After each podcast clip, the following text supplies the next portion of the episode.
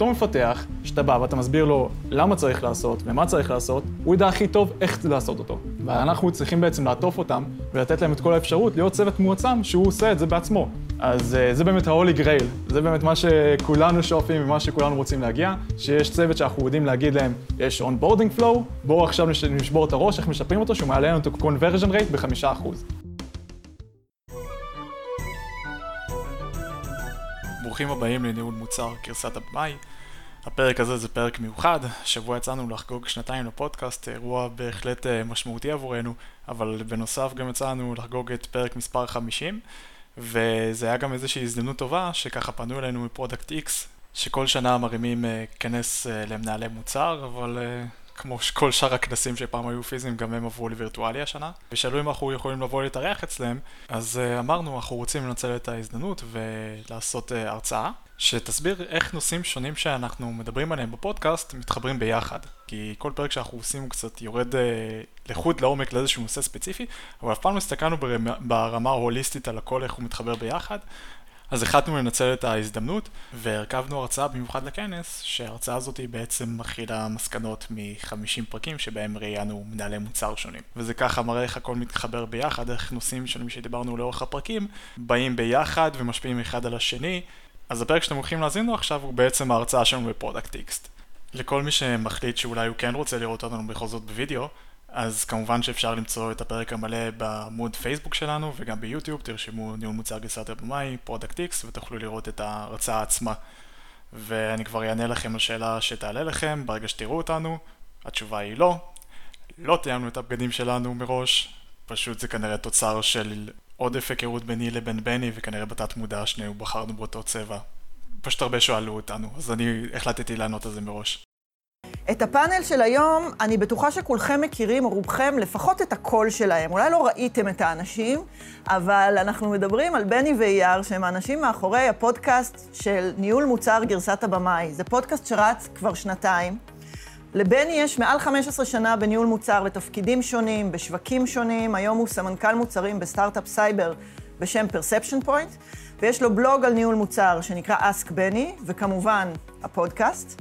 אייר מגיע מרקע של פיתוח, ולפני שלוש שנים הוא הקים חברה בשם Datree, שמספקת פתרון לניהול פוליסות לטכנולוגיית Kubernetes.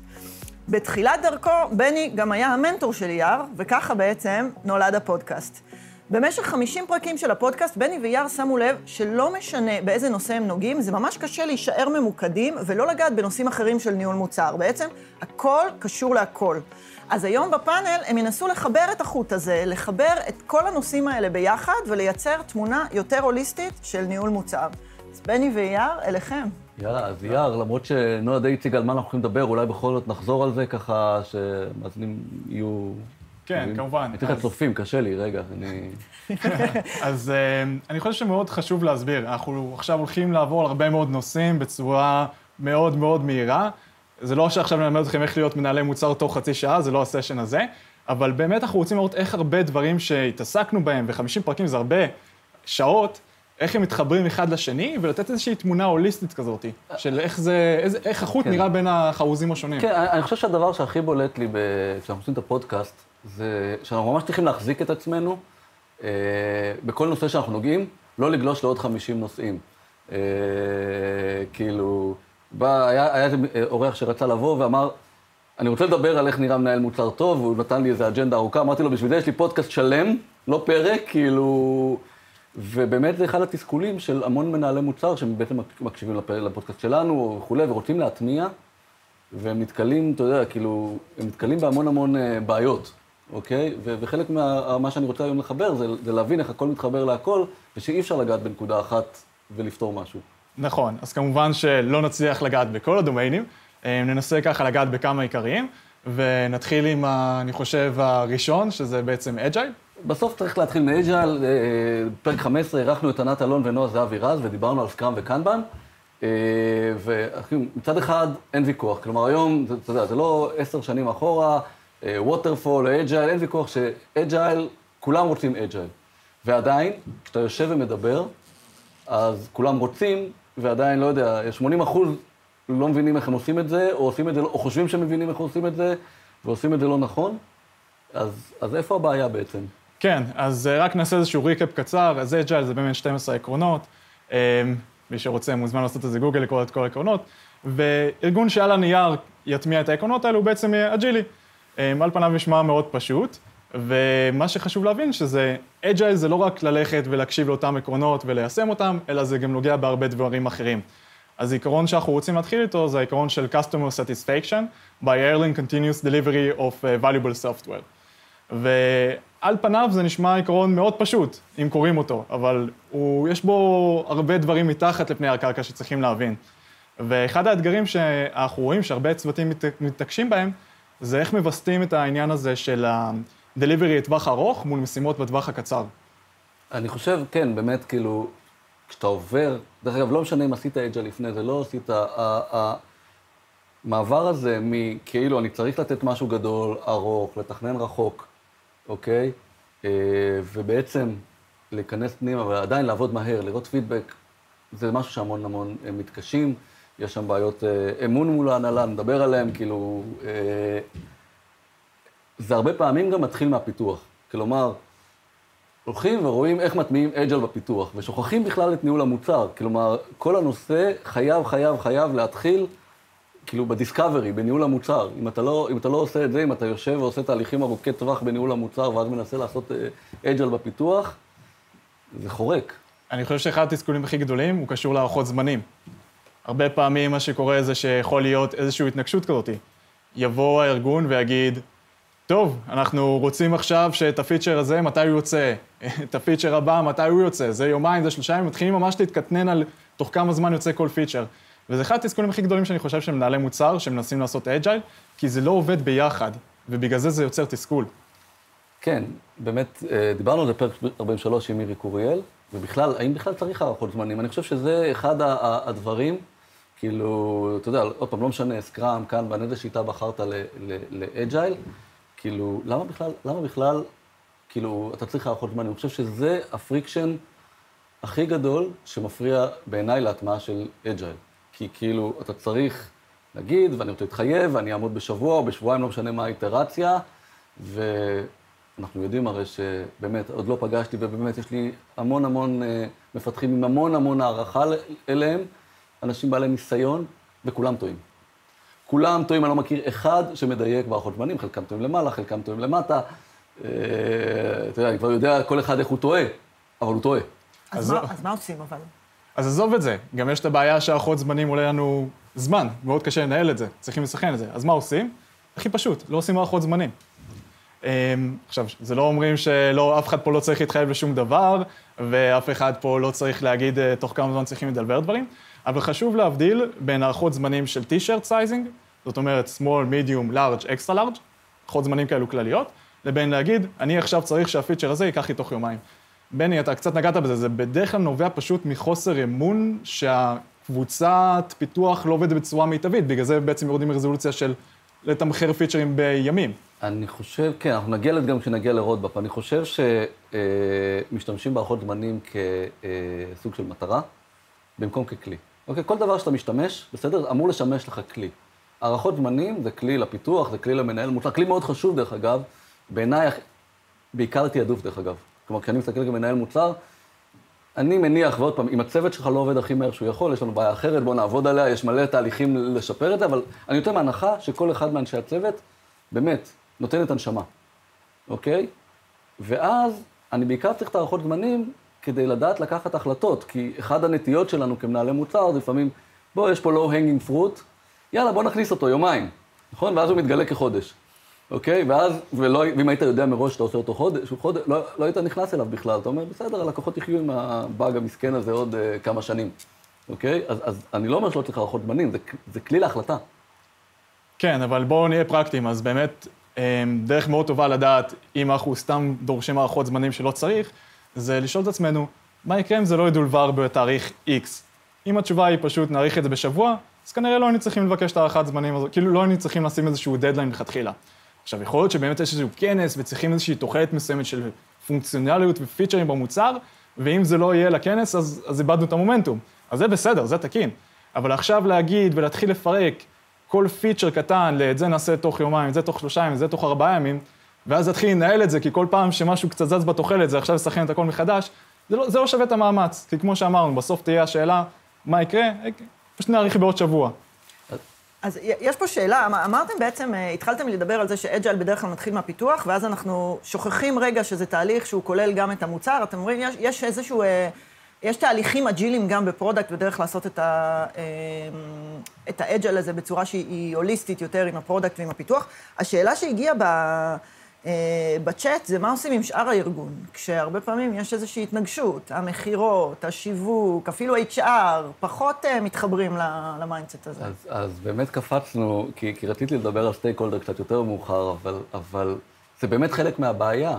כשאתה רוצה לעשות שינוי בתהליך, ב agile, ב roadmap, בהתחייבויות, הערכות זמנים, בלי לחבר את כל הארגון, זה בלתי אפשרי. כלומר, כל הארגון צריך להבין שככה עובדים. שיחה, אני נכנס, אני נכנס לארגון, שיחה, אחת השיחות הראשונות שלי עם, זה עם אנשי המכירות.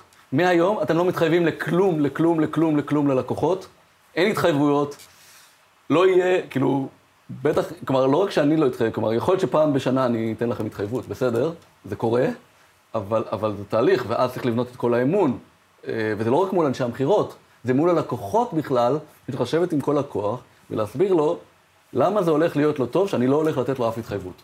למה? אוקיי, למה? כי ברגע שאני לא נותן לו אף התחייבות, ואנחנו מכירים, עוד פעם, זה בעיקר ב-B2B, ב-B2C זה טיפה שונה, אה, שם לא נותנים אף התחייבות לאף אחד, אבל אה, לקוחות B2B מאוד רגילים שהתחייבויות. למה? זה עוד פעם, דרך אגב, בעיה של אמון, אם לא תתחייב, לא תיתן, אוקיי? אז אני צריך לבנות אמון אחר, שאומר, כשיגיע לך, אני מציג לך roadmap, שהוא סוג של לאן אני הולך, ואז מה קורה? ואני נותן לך אפילו, אומר לך, יושב איתך על ה features שלך שהוא רוצה, ואומר לך, זה ה feature הבא. ואז מה קורה יומיים אחרי? הוא רוצה את ה feature. לא, הוא רוצה feature אחר. פתאום נהיה משהו יותר דחוף, אוקיי? עכשיו, אם התחייבתי כבר ל feature ההוא, אני לא יכול לתת לו את זה. כלומר, כשהוא מבין, בטח, בטח בסטארט-אפ, שזה שאני לא מתחייב זה לטובתו, שכשהוא יצטרך משהו, את יודעת, כשהוא צריך משהו לא חשוב הוא לא יקבל, וכשהוא צריך את המשהו חשוב, כל הצוות יתאבד והוא יקבל את זה מהר, כי אני יכול לדחות דברים כי לא התחייבתי, אז נוצר אמון. אז אתה אומר שאתה ממש מצליח להביא את ה mindset הזה עד הלקוחות אפילו, לא רק... אה, חייב, זה לא עובד אחרת. אם אני לא אצליח להביא את ה mindset הזה ללקוחות, זה לא עובד, זה, זה מתפרק. מדהים. זה מאוד מתחבר גם להרצאה של שי שהייתה פה הבוקר, שדיבר בדיוק על זה, על אה, להשאיר פערים ב roadmap שלך לכל, לכל הדברים שאתה לא יודע שתצטרך לעשות כדי להשיג את היעדים שאיתם יצאת אה, לדרך בהתחלה. זה הכל מאוד מאוד מתחבר. שלא לדבר על זה, שבמיוחד בסטארט-אפ, היעדים משתנים. כאילו, כמעט כל חודש. אין ברירה, כאילו, כל מיני דברים קורים בשוק שאתה מגלה, כאילו... אז, אז עוד פעם, התחייבת, אתה תקוע עם, עם דבר שכבר לא, לא חשוב. העניין עם סטייק הולדרים, שזה חלק מהעניין של בניית אמון. הם צריכים להרגיש שבאמת יש להם יכולת השפעה על המוצר. והכלי האידיאלי לעשות את זה זה roadmap. אז כשאנחנו באים ואנחנו מתכננים את ה roadmap, אנחנו גם מראים את זה לשאר ה stakeholders, לאנשי מכירות, למי שמוביל את הניהול ואת, שלה, ואת השיווק, ואפילו למנ... כמובן למנכ"ל. וכל אחד מהם נותן לנו input. הם מרגישים שנשמעים. אתה יודע, הרבה פעמים אומרים שניהול מוצר זה קצת להיות פסיכולוג. באיזשהו מקום זה בדיוק זה. ומאוד חשוב גם לתת להם, להראות להם, לשקף להם, הנה, מה שאתם ביקשתם, זה נכנס, לא נכנס, אם זה לא נכנס, מה הסיבה?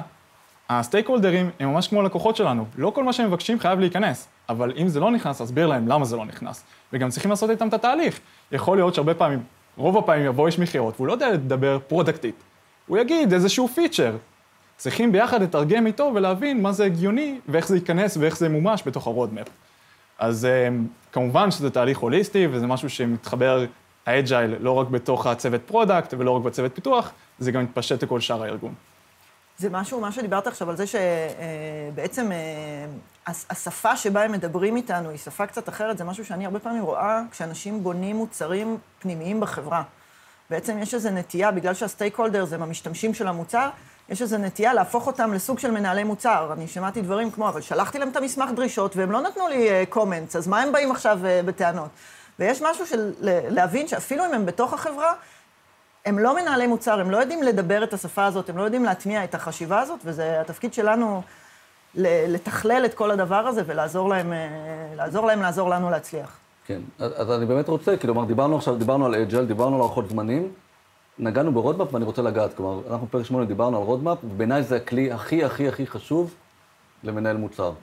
ואחד הדברים שקורים, ברגע שאנחנו משנים את ה mindset שכאילו, אוקיי, roadmap זה לא תוכנית עבודה, אז רגע, אז, אז, אז פתאום אנשים מתחילים לשאול, אז למה לעשות אותו, נכון? כאילו, למה אני צריך אה, לעשות אותו, אם אני בין כה וכה לא אעמוד שם בשלושת רבעי ממה שכתוב.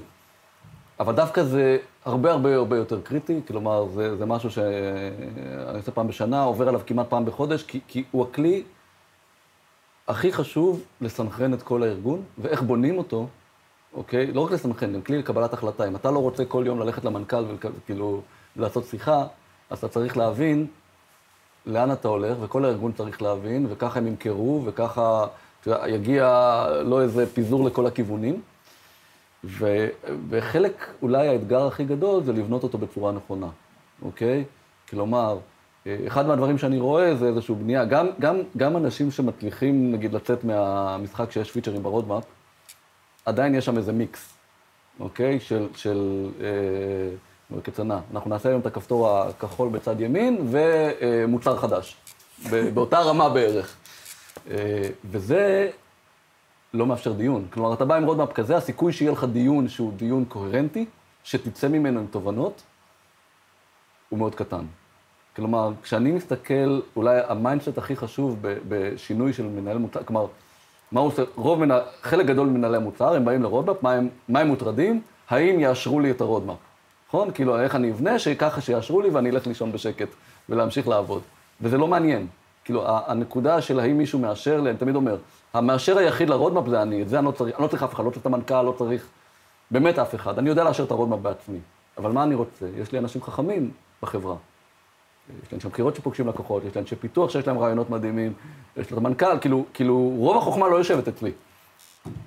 אז אם אני לא אבנה את התהליך נכון, אז יהיה לי roadmap גרוע. כלומר, אם אני לא ידע לבנות את ה roadmap ואת התהליך של בניית ה roadmap כתהליך שבו אני אקבל את ה inputים הכי טוב שבעולם, אז פספסתי. ואז צריך לבנות אותו, כאילו, זה חייב להיות ברמה של, כן, קודם כל מה הגולס ואיך התעדוף בין הגולים, כדי שנוכל להתווכח על הגולים, לפני שבכלל התווכחנו על פיצ'רים. ואז מכל גול, אוקיי, איזשהו רמות כאילו של אינישל. כלומר, צריך כל, לבנות אותו ממש ברמות, כדי שבכל רמה אפשר יהיה לעשות דיון חכם. עוד מפ אמור להיות עמום, ואנשים שוכחים את זה, והם קצת מרגישים לא בנוח עם, בגלל שהוא עמום. אבל עצם זה שהוא עמום, הוא מאפשר לנו הרבה חופש פעולה, בדיוק כמו שבני אמר, כדי שאנחנו לא נצטרך לעלות לרדת למנכ"ל כל שני וחמישי, ולאשר מחדש את התוכנית עבודה שאנחנו עושים. ובאמת, ברגע שאנחנו מסכימים על ה goals, ועל initiatives, שגם כן נכנסים לתוך ה roadmap, זה נותן לנו איזשהו מרווח פעילות ואיזושהי שפה משותפת עם כל שאר אנשים בארגון, אותו איש מכירות, אותו מנהל שיווק, ואנחנו בעצם ביחד מבינים מה אנחנו מנסים להשיג. אז אני גם אפילו אהיה פרקטי, אני אתן דוגמה טובה. אז למשל, גול שיכול להיות בתוך roadmap, הוא למשל, אנחנו רוצים אה, להגדיל את ה-conversion rate שלנו בחמישה אחוז.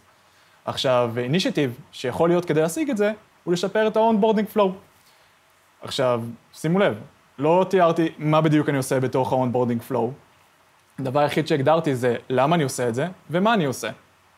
ומפה אנחנו בעצם נתחיל לפרק את זה ברגע שאנחנו ניקח את זה לפיתוח, לאיך בדיוק אנחנו משפרים את ה-onboarding flow ומה עושים זה בדיוק. אבל הוא בכוונה נשאר עמום כדי לאפשר הרבה חופש פעולה, כל עוד זה משיג את המטרה של שיפור אותו onboarding flow. אני רוצה לחזור, חזרנו לסטייק הולדר, ולקוחות הם חלק מהסטייק הולדר, ויש פה שאלה ששואלים בתחילת סטארט-אפ, אה, אם איך אתה יכול להגיד, לא להגיד להם מתי, הם עוד לא יודעים מה ה-value, ואתה מאבד אותם. הם עוד לא איתך בכלל מלכתחילה. כן, ואני אומר לו, אם, אם, אם, לא, אם הם לא הבינו את ה-value, אתה עוד בשיחה אחרת בכלל. כאילו, את ה-value לא מקבלים מהבטחת פיצ'ר אחד או שניים. כאילו, יש לך בעיה אחרת לגמרי, ב, לא יודע, ב pitch, באנשי המכירות, ב whatever. כאילו, אני, אני לא מתווכח שלפעמים כדי לסגור עסקה, צריך לעשות פיצ'ר. אוקיי? כאילו, זה לא... אמרתי, אבל, אבל אם לקוח הבין את ה-value, אז הוא ילך איתך. הוא ילך ואתה כאילו... ודרך אגב, הרבה פעמים במקום התחליף להתחייבות זמנים, זה כן לתת התחייבות סדר. אוקיי? כלומר, אני אהיה בתוך התהליך, אני צריך עשרה פיצ'רים ממך, כלקוח, שאני לא יכול בלעדיהם. עכשיו בוא נדבר קודם כל איזה אי אפשר בכלל להתחיל בלעדיהם, ואיזה אתה יכול לעבוד איתי באמון, ומה הסדר ביניהם. וכל פעם שאתה עושה את זה, באמת, זה כמו קסם. אה, פתאום אנשים נרגעים. כאילו, פתאום מעשרה פיצ'רים דחופים, הם מבינים שכן, כאילו, כשאתה שם אחד מול השני, אז פתאום השני פחות דחוף. גם בנוסף, אפשר, אם יש איזשהו פיצ'רים מסוימים, שבאמת הלקוח אומר שהוא חייב אותם, אפשר גם פשוט להבטיח אותם בתוך החוזה, ואז ברגע שיש לך מכירה, אתה מבין באמת עד כמה הנכונות שלו באמת להתקדם להיות לקוח שלך. נכון. אני אתן דוגמה טובה, למשל להיות uh, SOC 2 compliant. Um, תהליך שהוא מאוד יקר, ובדרך כלל אין כל כך סיבה לעשות אותו אם אין לך מישהו שדורש את זה, אז מאוד הגיוני ומאוד אפשרי, שיבוא מישהו ויגיד לך, אתה לא SOC 2, אז אתה תגיד לו, אני לא, אבל אני מוכן להתחייב שתוך שלושה חודשים, ברגע שאתה תחתום על חוזה, אנחנו כן נהיה. ודרך אגב, זה לפעמים למה אנשי המוצר צריכים להיות בחלק משיחות המכירה האלה, כן, לפעמים אתה צריך להיות ולשבת, או לפעמים זה המנכ"ל, בסדר, כן, יש אקספשן, כבר, כבר, כבר קרה לי, עם כל ההתנגדות שלי להתחייבויות, כן, זה קורה לי בערך פעמיים בשנה, כן? ואתה יושב, אתה מבין שאם אתה לא תתחייב עכשיו בשיחה על הדבר הזה, לתאריך מסוים, וזה, אה, אז, אז, אז לא תהיה זה. לא, כאילו לא תהיה עסקה. שמע, גיל שהיה לפנינו אמר שלפעמים אתה צריך קצת לזרוק את העקרונות המוצריים שלך כדי להתגמש לקראת לקוחות, אני חושב שזה בדיוק זה. אבל דרך אגב, אם נחבר את זה אחורה, אין משמעות להערכות זמנים. נכון. כלומר, כשאני עושה את המתחייבות הזאת, אני לא הולך לצוות. אני מתחייב, אני אפתור את זה אחר כך, אפרופו, כאילו, כאילו, אני צריך עכשיו בשיחה להתחייב לפיצ'ר, אני בערך יודע אותו ככה, זה לא יעזור לי ללכת אחורה לבדוק אם הם יכולים, אין ברירה, אני מתחייב. זה התחייבות בלי הצוות. ברור. למרות שיש אה, איזושהי עבודת הכנה שאפשר לעשות. בדרך כלל זה לא פיצ'ר שנחת אה, משום מקום אה, מהרגע להרגע. ברור, בסדר, עוד פעם, תלוי בתהליך, כן, אבל בדרך כלל כן. אתה בדרך כלל כבר יודע בערך כמה הוא. עכשיו, הפרטים הקטנים, ו- ואולי נחבר את זה לפרק 9 על, על, על ניהול פרויקטים, זה בדיוק למה מנהל מוצר צריך להיות, נחבר ככה מהאג'ייל לרודמפ להתחייבויות, צריך להיות בתוך. בעיניי, בתוך הביצה של הפיתוח, כאילו, נכון, רוב הזמן אתה צריך להיות בחוץ, כי חלק מהקסם זה בסוף, כמו אמרנו, מפתחים לא יודעים להתחייל, להתחייל, לא יודעים לעמוד בלוחות זמנים. בסוף, אם נגיד שנתת התחייבות, אוקיי? לא משנה עכשיו אם פנימית, חיצונית, לעצמך, הדרך היחידה בדרך כלל לעמוד בה, היא לדעת לחתוך בזמן את חלק מההתחייבות הזאת. כי בסוף, הרי, אתה יושב עם הלקוח וזה, הוא לא בכל הפרטים, נכון? התחייבת לו לאיזשהו value. את ה-value הזה אפשר לתת בהרבה צורות. אז היכולת לחתוך בזמן אמת כדי להגיע לזמן הזה, זה משהו שרק מנהל מוצר יכול לעשות. כאילו, מנהל פרויקט לא יכול לעשות את זה, הוא לא יודע, אין לו את, ה, את הנתונים. לגמרי. אז אחרי שיש לנו בעצם את ה agile, ויש לנו הערכות זמנים, יותר נכון, למה לא צריך הערכות זמנים, אמ, יש לנו גם roadmap, אז בואו נדבר על הנקודה הכי חשובה, צוותים אה, מועצמים. זה, זה ה... דיברנו בפרק 41 עם יובל סמט, אה, וזה ה holy grail, אתה יודע, של כל מה שחיברנו, כאילו אם אתה מצליח אמרנו שהבעיה של roadmap והבעיה של לוחות זמנים, הערכות זמנים, בסוף זה אמון. אוקיי? כלומר, הסיבה לדעתי שיש clash כזה גבוה על כל הדברים האלה, היא רק בעיית אמון. ואם אתה בתור מנהל מוצר, או בתור מנכ"ל, לא משנה, לא יודע, אין לך אמון בצוות שלך, אוקיי? אז, אז אז זה לא עובד. וצוותים מועצמים זה בדיוק סביב זה. אתה רוצה להגיד להם, וכאילו, ואז זה מתחבר, כלומר, אם יש לך צוות מועצם שמקבל החלטות לבד, אז לא אמור להיות לו roadmap קשיח, ולא אמור להיות לו ארוחות זמנים קשיחות, והנהלה לא בדיוק, סליחה שאני אומר, יודעת בדיוק מה הוא יעשה ברבעון א' ורבעון ב', אה, והוא צריך לקבל את ההחלטה. אז, אז כדי לעשות אישור קו צוותים מועצמים, זה בעצם צוותים שהם יודעים לפתור בעצמם ובדרך הכי יעילה לארגון וללקוחות, את אותו איך. הרי עד עכשיו אמרנו, אנחנו לא מגדירים את האיך. אז צוותים, צוות, צוותים מועצמים זה אלו שיודעים בעצם להכתיב את האיך הזה בצורה הכי יעילה. כי אותו מפתח, שאתה בא ואתה מסביר לו למה צריך לעשות ומה צריך לעשות, הוא ידע הכי טוב איך לעשות אותו. ואנחנו צריכים בעצם לעטוף אותם ולתת להם את כל האפשרות להיות צוות מועצם שהוא עושה את זה בעצמו. אז אה, זה באמת ה-Holy Grail, זה באמת מה שכולנו שואפים ומה שכולנו רוצים להגיע. שיש צוות שאנחנו יודעים להגיד להם, יש onboarding flow, צריכים לשפר אותו, בואו עכשיו נשבור את הראש, איך משפרים אותו, שהוא מעלה לנו את ה-conversion rate בחמישה אחוז. כן, זה אומר, אתה יודע, זה, זה מוכר בדרך כלל כמה שכולם מכירים, זה את המילה סקואדים. אני בכוונה משתמש במילה צוותים מועצמים, לא, כי... לא, לא, אל תגיד סקואדים, דווקא זה הכי גרוע, כי אז מה שקורה זה שאנשים שוכחים שהמטרה היא, היא לא לעשות את הסקוואדים, זה לא עכשיו ללכת ולבנות uh, צורת מבנה של סקוואדים, זה אפשר להשיג את הצוותים מועצמים גם בלי סקוואדים. כן. ואפשר לעשות סקוואדים ושזה לא יהיה מועצם בכלל. בדיוק, כמו שאפשר לעשות אג'ל וזה לא אג'ל בכלל. נכון. זה, זה, זה, זה בדיוק הנקודה. אז העיקרון, כאילו, בעצם האתגר של ההנהלה, בסדר? בוא נדבר דווקא על ההנהלה, שבדרך כלל הרבה פעמים אה, מנהלי המוצר הם, הם חלק באיזושהי צורה, גם אם הם יושבים למטה. האתגר הוא בעצם איך אני נותן כיוון, כי זה לא ש... כאילו, יש טעות לפעמים, שצוותים, צוותים מוצלמים זה הרבה, הם, הם עושים מה שבא להם. זה לא נכון. בסדר? בסוף יש, כלומר, בתור הנהלה, בתור, אתה רוצה לבנות כיוון, אבל הרעיון הוא לתת כיוון ולא הוראות הפעלה, ולא תוכנית עבודה.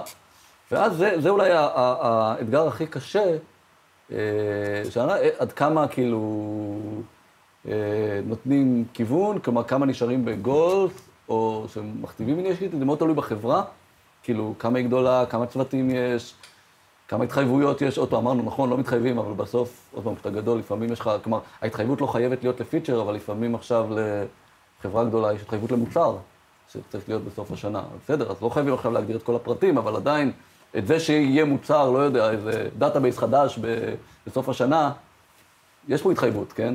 אז, אז, אז יש כיוון. כלומר, הכיוון יכול להיות רק ב... וזה זה, זה שונה לכל ארגון ולכל חברה ולכל מצב. הכיוון יכול להיות רק ב-KPI, של שברו את ה-KPI הזה, והכיוון יכול להיות בתבנו את המוצר הזה או את ה-initiative הזה. זה, זה כבר תלוי, יש פה משחק. אני הרבה פעמים מדברת על זה אה, עם איזשהו דימוי, כאילו זה המעקה הזה במסלולי באולינג ששמים לילדים. זה בדיוק מה שזה עושה, זה נותן את הכיוון, וזה מוודא שכשהכדור סוטה מהכיוון יותר מדי, אז אנחנו מחזירים אותו למסלול, אבל זה לא לקחת את הכדור עכשיו ולגלגל אותו לאורך המסלול בדיוק איך שאנחנו אה, רצינו, זה להגדיר את גבולות הגזרה ולוודא ש, אה, שנשארים עליהם. כן. דוגמה אחרת שאני מאוד אוהב להשתמש בה, זה יבוא roadmap, וב roadmap אתה תגדיר, תעשה לי גינה יפה. צוות מועצם ידע לקחת את זה ולהגיד, פה אני שותל פיקוס, פה אני שם חמניה ופה כלנית. וזה יהיה יפה. כי הוא יודע שהוא צריך לעשות גינה יפה. זה לא יעבוד טוב אם אתה תגיד, תעשה לי גינה יפה, תשתול לי פה את זה, פה את זה ואת שם את זה.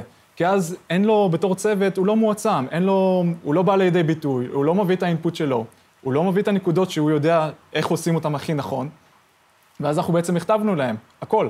ויכול להיות שהם יהיו בנויים בתצורה של squadים, ועדיין הכתבנו להם איך בדיוק הגינה צריכה להיראות. הם לא יהיו מועצמים, וזה מאוד חשוב. צריכים לזכור שצוותים מועצמים זה בעצם דרך, זה לא המטרה. זה הדרך שהכל מתחבר ביחד. ומה המטרה? המטרה היא להיות ארגון agileי שיודע לזוז מהר, ובעצם לספק אה, מוצרים איכותיים ללקוחות שלו. ב... המטרה בסוף היא להביא מוצר שטוב ללקוחות, טוב לביזנס, זה בסוף המטרה, כן? כאילו, זה מה שאנחנו רוצים, אוקיי? ועכשיו השאלה איך, איך עושים, אולי, אני, אני רוצה לחבר את זה, דרך אגב, זה לא רק למעלה, זה, זה כמעט, הקטע הזה של להעצים זה אחד האתגרים הכי גדולים של מנהלי מוצר, וזה משהו יומיומי. זה, זה לא רק, כאילו, בוא נוציא את זה מהסיסמה של לעשות roadmap ולתת לצוות לעבוד.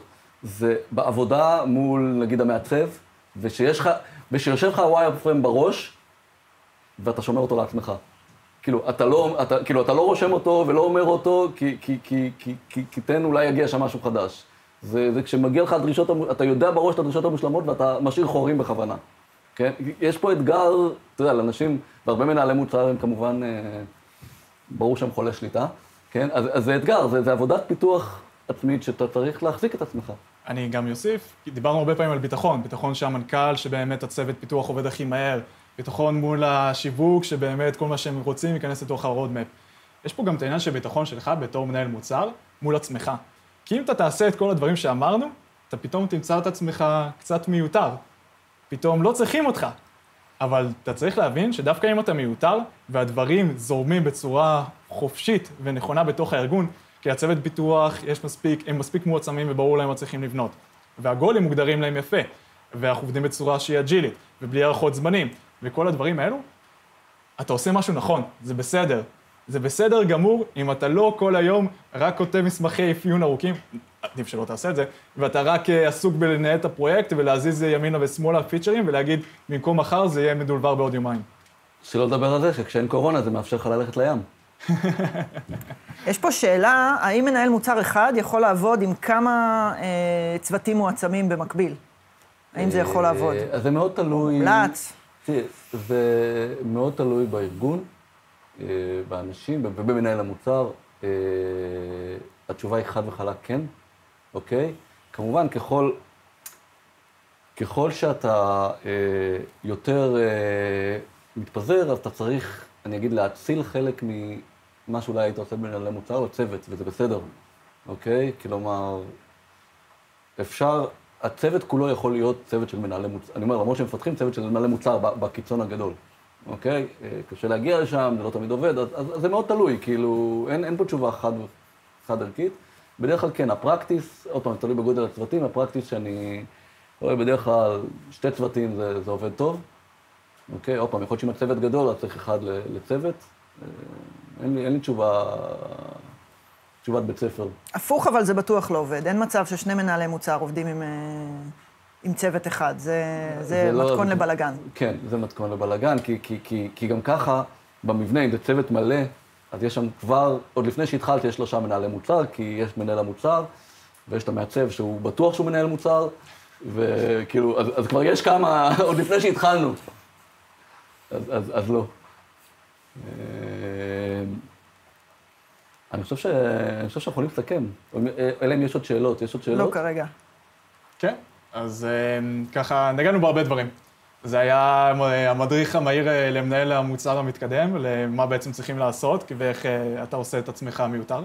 אבל אה, בגדול התחלנו באמת עם אג'ייל, אמרנו שיש את העקרונות, והעקרונות האלו, כמו כל דבר אחר, זה, זה דרך להשיג. ומה הדרך להשיג? הדרך להשיג היא בעצם לקוחות מרוצים ולקוח, ומוצר איכותי. ותוך כדי שאנחנו משתמשים ב agile, אנחנו לא רוצים להתחייב לזמנים מתי שלא צריך, אנחנו כן נתחייב לזמנים מתי שצריך. אנחנו כמובן, אה, העניין של הערכות זמנים, אנחנו צריכים לעשות את זה תוך כדי זה שאנחנו עובדים ביחד עם שאר ה stakeholder ים, והדרך שלנו לעבוד עם stakeholder ים זה מאיזשהו מסמך שאנחנו קוראים לו roadmap, הוא התיאום ציפיות, שלה, תיאום ציפיות שלנו עם כולם, מה הולך להיות מפותח. וכמובן, אה, ה roadmap הזה הוא הכלי שגם משמש את הפיתוח, את אותו צוות מועצם, כדי שהוא יוכל להוציא לפועל את הגולס שלנו בתור ארגון, ושכולנו נוכל להיות אה, מנהלי מוצר מאושרים ורגועים, ו...